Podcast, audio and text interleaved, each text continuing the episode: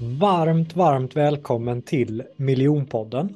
Och det här kommer vara ett, eh, ett ganska annorlunda avsnitt. Det här kommer vara att jag har faktiskt inte med någon, någon gäst idag.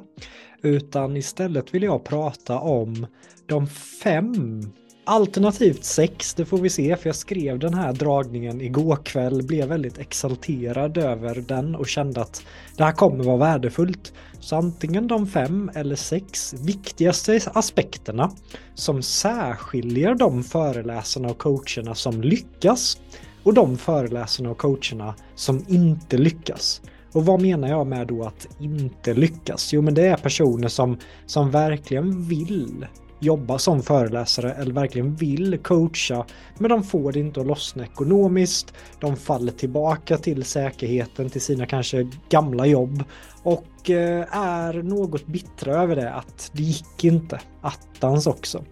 Så genom att jag då under ett decennium när jag bygger andra föreläsares föreläsningar så får jag ju verkligen sätta mig in i deras mindset. Jag satte mig in i Peppe Ekmarks mindset. Jag har jobbat med honom i flera dagar på Hooks herrgård. Jag har varit i Italien med Peppe. Jag går ju och tar anteckningar, ställer mig själv frågan. Vad är det som gör Peppe fantastisk? Vad har han gjort bra? Och när jag har jobbat med mer eller mindre inte hela svensk föreläsningselit, men jag är tveksam på om det finns någon i Sverige som har jobbat med så många proffs som jag har gjort med mitt analytiska huvud. Så att det här kommer vara väldigt eh, spännande. Inte bara för dig som lyssnar men också för mig själv.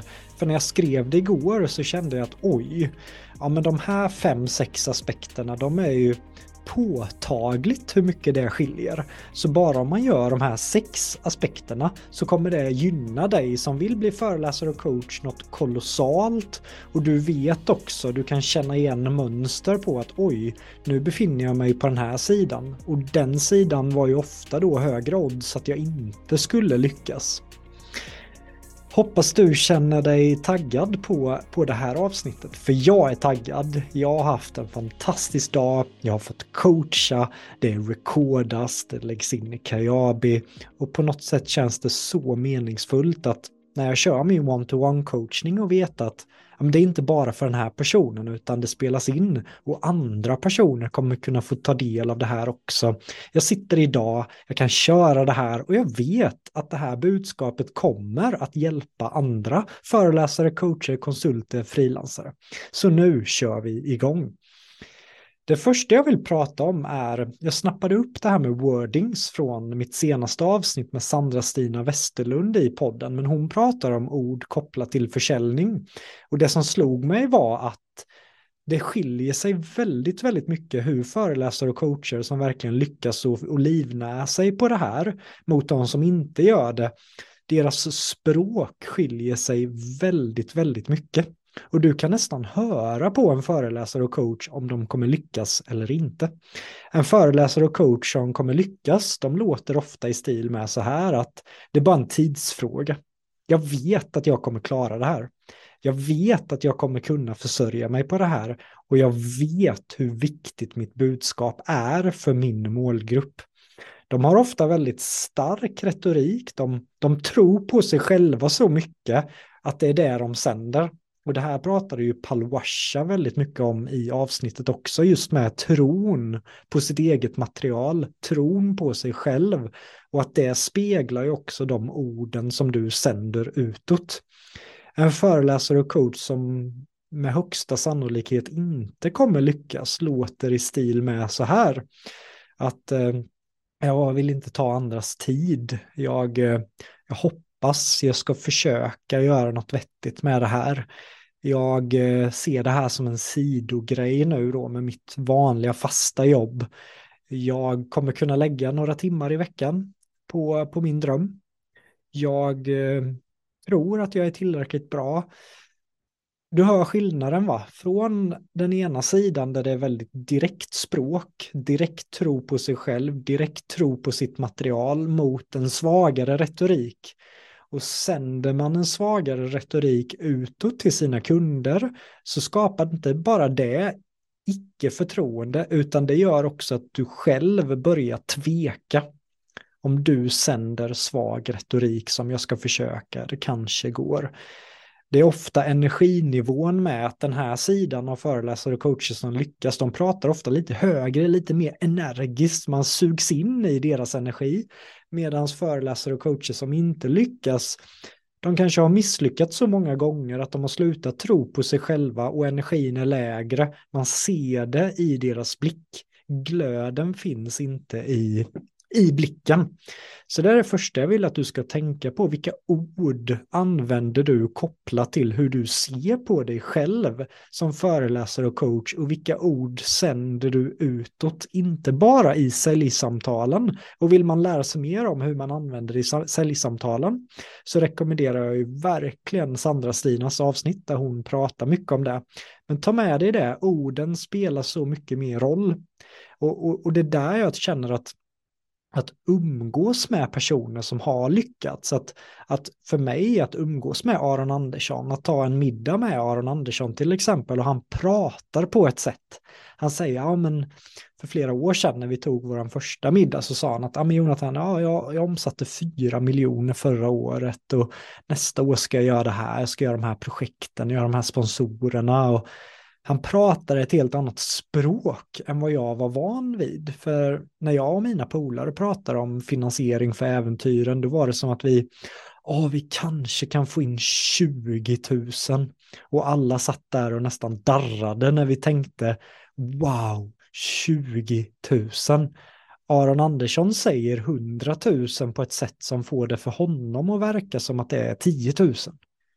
Så att och, och det skapar en helt annat självförtroende när en sån som Aron pratar och när en sån som, som jag skulle finansiera mina äventyr med pratade på. Så vad sänder du för ord? Mycket, mycket spännande. Andra aspekten kopplat till studier. Att det jag, när jag kollar på de som verkligen har lyckats, Megadeals, Börshajen, Kajsa Bergqvist, Oj, jag, jag har jobbat med så många föreläsare och coacher nu att jag har svårt att komma ihåg hela listan, men den är lång. Och det som alla har gemensamt är att de ofta studerar, de kollar ofta upp saker, de läser forskningsartiklar. Jag gjorde ju tre år med topp 8 i världen, David Phillips, som har fått en enorm genomslagskraft nu i Sverige med sin nya bok, Sex signalsubstanser som kan förändra ditt liv. Och när jag kunde vara på gymmet ibland så kunde David komma fram till mig och säga, du Jonathan, jag läste en ny forskningsrapport om, om dopamin. Och jag bara känner, alltså, wow, vem gör det? Så hade ingen pratat med mig innan. Och när jag, när jag pratar med personer som, som Megadeals till exempel, som jag vet kött tittar ofta över 50-60 timmar i veckan på sitt jobb, men ändå pratar de om böcker, ändå pratar de om poddar där de läser grejer och hela tiden utvecklas. Och det är sånt otroligt stort vad det särskiljer dem som faktiskt inte bryter igenom att nej men de har inte tid. De har inte tid att komma upp på ett webbinar. De har inte tid för att kolla på filmerna på onlinekursen. De har inte tid att och djupdyka i forskningsartiklar, utan där är det mer att äh, men jag kollar under ledigheten om tid finns då. Men det finns inte det här riktigt starka drivet till att vilja utvecklas, till att vilja lära sig mer. Det är någonting som jag har sett mycket svart, eh, svart och vitt, att de som bryter igenom, det är de som satsar på sina studier och vill ju utvecklas, vill bli bättre. De som inte gör det, de stannar ju också på samma plats. För de blir inte bättre. Och när det finns över 15 000 föreläsare i Sverige så behöver du bli bättre. Du behöver utvecklas, du behöver ta ny mark och du behöver känna en hunger för ditt ämne. För om du inte känner en hunger för ditt ämne, då är det tveksamt om du verkligen brinner för ditt ämne på det sättet som krävs för att verkligen stå på scenen, för att verkligen sitta där en hel söndag och bygga en föreläsning. Så att desto mer du studerar kan du ta det som ett tecken på att desto mer älskar du ditt ämne. Och det du studerar, det påverkar också dina ord. Som jag får ge ett exempel på det, att för många år sedan så, så fastnade jag för Gary Vaynerchuk. Det är säkert många av er som har hört talas om Gary Vaynerchuk, men en av världens främsta inom sociala medier tar miljonbelopp som föreläsare. Och jag fastnar för honom. Jag börjar plugga honom mellan en till tre timmar om dagen i i månad ut efter månad in. Jag somnade med Gary.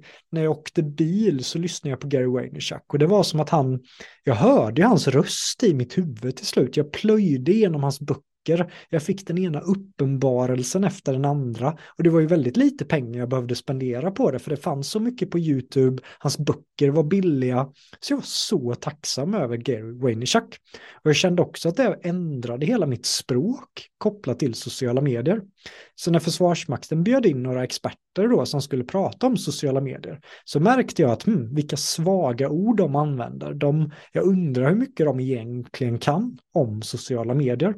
Så jag ställde frågor om algoritmer, jag ställde frågor om hur de kan göra en Insta-story live som precis då hade kommit och jag, jag ställde frågor som de verkade ha väldigt dålig koll på.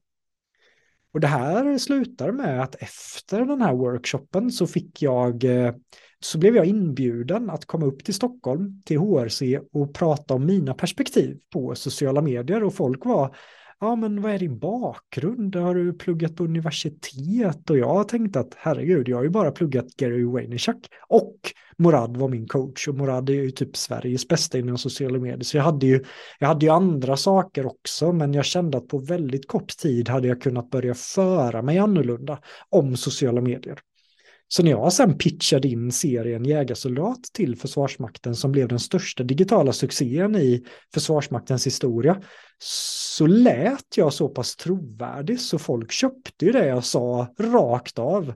För att de kände att jag pratar på en annan nivå än vad de flesta i Försvarsmakten kunde kopplat till sociala medier. Det här ledde till att Försvarsmakten köpte in det här projektet. Jag fick jobba i nästan två år med att bygga en YouTube-serie för Försvarsmakten där mitt jobb var att bli ännu bättre inom storytelling.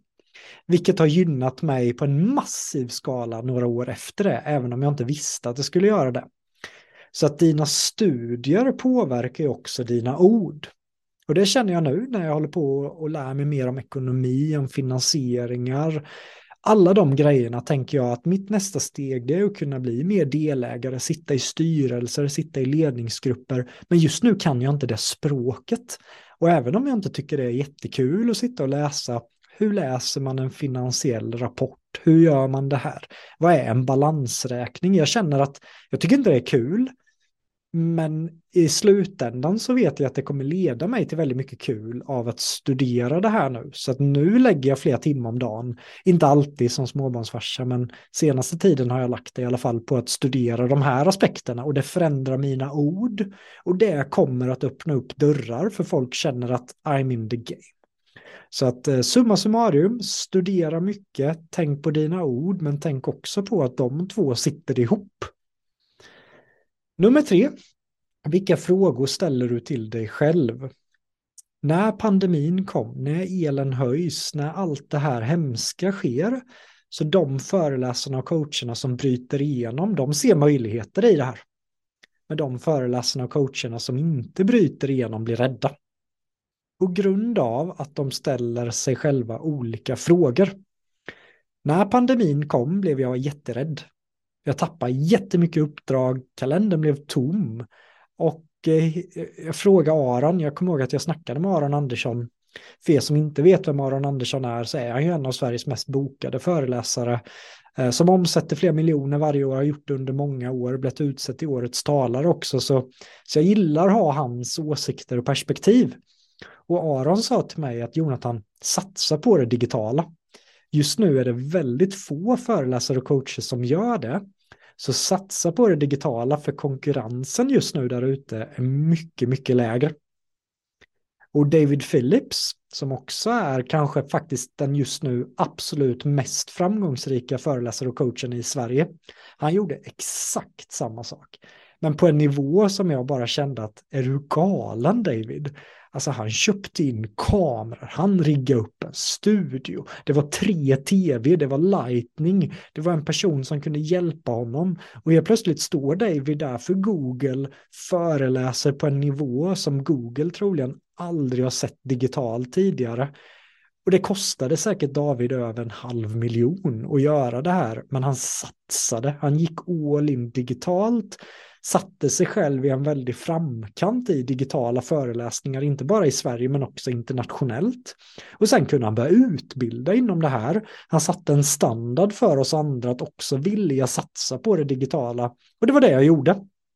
Så medan de framgångsrika föreläsarna och coacherna satsade på det digitala under pandemin, så de som inte bröt igenom blev rädda, eh, ingen, inga bokningar längre och nej, jag backar och sen kanske två år efter pandemin kom, ja men då blir det digitala aktuellt. Men då har man ju också tappat så otroligt många potentiella kunder som man skulle kunna ha haft bara genom att byta ut frågan att oj, en, ett hinder, ett motstånd, jag backar mot ett hinder, ett motstånd. Vilken möjlighet, för jag vet att många kommer inte ta sig över det här hindret. Så låt mig vara en av dem som faktiskt gör det. Och här vill jag lyfta min äventyrskollega Marcus Asksjö, att när vi var äventyrare och vi cyklar från Sverige till Afrika, vi paddlar tvärs genom Europa, vi korsar Indien till fots, vi korsar Australien på rullskidor. Nästan varenda dag möter ju vi ett hinder, ett motstånd. Och varenda dag bestiger vi det hindret, motståndet. Så Mackans mentalitet var ju alltid att men det här löser vi, det finns alltid en väg ur det. Och det vill jag att du ska ta med dig för att det kommer komma upp sådana här saker. Så det är bättre då att förvänta sig över att de kommer komma. Än att tänka att ah, det kommer säkert bli helt flat och jag kommer kunna göra det här utan motstånd. Nej, nej. Motstånd, hinder, misslyckande kan vara någonting väldigt, väldigt bra om du ser möjligheter som andra inte ser i det. Så där tyckte jag verkligen att där, så, där kunde man ta på skillnaden på de föreläsarna och coacherna som lyckades och de som blev rädda och backade. Så det jag har pratat om än så länge, ord, struktur, vilka frågor ställer du till dig själv? Nummer fyra är superviktig och den handlar om, många pratar om att ta action. Och det är de flesta föreläsarna och coacherna bra på som, som jag jobbar med. Men det är skillnad på att ta action och det är skillnad på att ta action på rätt prioriteringar. Jag säger det igen, det är skillnad på att ta action med rätt prioriteringar. Många av mina kursare som inte lyckas tar action på, låt oss säga en hemsida, innan de ens har paketerat sitt budskap och de lägger pengar på hemsidan och sen sitter de med hemsidan i två, tre månader. Och sen tar de action på vilket system, drive-system, vilka, hur ska jag skriva offerter och så sitter de med sådana här grejer som inte förflyttar sin business framåt på kanske ett år. Och de har tagit på sig kostnader, för det kostar ju att bygga en hemsida, det kostar att köpa system, men de, har fast, de tar mycket action, de jobbar hårt, men det händer ju ingenting. Och jämför det här med Alexander Pärleros som driver Framgångspodden, som när han var radiosäljare så sa han att mellan 9 och 5, då är det säljtid. Då tar jag action på försäljning. Innan 9 och efter 5, då kan jag jobba med system. Då kan jag jobba med affärsmodeller. Då kan jag skicka fakturer. Men när det var säljtid, då tog Pärleros action på sälj det var ingen så här att han gömde sig bakom andra saker. Jag hör många föreläsare och coacher som inte lyckas som, som säger att ah, men jag måste ha de här pusselbitarna på plats för att kunna sälja. Så jag måste ha en affärsplan, jag måste ha en marknadsföringsstrategi, jag måste ha det här, jag måste ha det här för att kunna sälja. Medan en person som Pärleros är mer om jag inte kan sälja det här, direkt, då är det inte värt för mig att lägga massa tid på det om jag inte direkt kan fånga någons intresse med det. Om jag inte kan få fart på det direkt, kan jag inte få in pengar som kan betala för systemen så blir det inte värt det. Så att fokus på rätt prioriteringar tycker jag att de som lyckas gör väldigt, väldigt, väldigt bra. De lägger fokus på försäljning, de lägger fokus på smarta aspekter som tar sin business framåt. Och sen sekundära grejer, det får de gjort ändå, men de låter inte det vara i högsta fokus, utan högsta fokuset är att ta sin business framåt. Och så försöker jag också tänka att ja, men om jag ska starta en podcast till exempel, kommer den få min business att gå framåt? Ja, för att det är ju som ett säljsamtal ibland som när jag intervjuade Alexandra. Ni tittare fick massa värde, men jag fick massa kunder också. För folk hör när Alexandra bryter igenom som föreläsare efter min kurs, omsätter en miljon ett år efter min kurs. Och det ledde till kunder för mig och helt plötsligt blev det ju sälj. Men det blev också en podd som gav värde så för mig så tar podden min business framåt, men den genererar också försäljning. Skulle jag bara tagit fram en podcast för att inspirera så hade det inte riktigt det legat helt rätt i linje med att jag nu vill förflytta min business framåt. Jag vill kunna påverka och hjälpa ännu mer människor. Så vad är de viktigaste grejerna för dig att ta action på? Och för föreläsare och coacher som inte lyckas så säger de ofta till mig att, ja men vadå Jonathan, jag, jag har ju ett fast jobb, jag har barn, jag kan ju bara jobba på torsdagskvällar och söndagskvällar. Okej, okay, brukar jag säga, men vad gör du då då? Nej, men då sitter jag och pillar mycket med hemsidan. Mm. Och får det din business att gå framåt? om du inte ens har fått ut the word. Och då brukar de säga, nej men först måste jag ju ha det här på plats. Så jag känner bara, nej det måste du inte. Ring folk, boka möten med folk då. Ta en promenad med barnvagnen och ta ett säljsamtal. Testpitcha ditt material. Vad kan du göra för att förflytta din business framåt och vad kan du ta action på med den tiden du har som innefattar att du tar mycket mer smarta beslut. Nummer fem. Fall inte för frestelser. Det här är, jag ser det lite som att när man väl bestämmer sig för att gå egen, när man väl bestämmer sig för att ja, men nu ska jag satsa på att bli föreläsare och coach och göra det här på heltid. Då är det väldigt ofta att ett jobberbjudande helt plötsligt kommer. En fast lön, trygghet, garantier, pensionssparanden. Och det är så vanligt då och jag vet hur svårt det kan vara. Jag har själv varit där, jag har själv fått, fått kämpa med det här verkligen när sådana här erbjudanden bara kommer. Att ska jag ta det här fasta jobbet nu då? Eller ska jag faktiskt när jag har momentum satsa på min business? Och det är ett tufft val att ta. Men jag brukar tänka att om man tar de besluten så är det ju som att du sätter en kraft i dig själv att nej men jag vill verkligen det här. Om beslutet blir att glida tillbaka till ett fast jobb eller att falla för den frestelsen så kan ju det innebära att okej, okay, men, men det kanske är det du ska göra då. Du kanske just nu inte är redo för vad som egentligen krävs för att vara helt egen, för att stå på egna ben.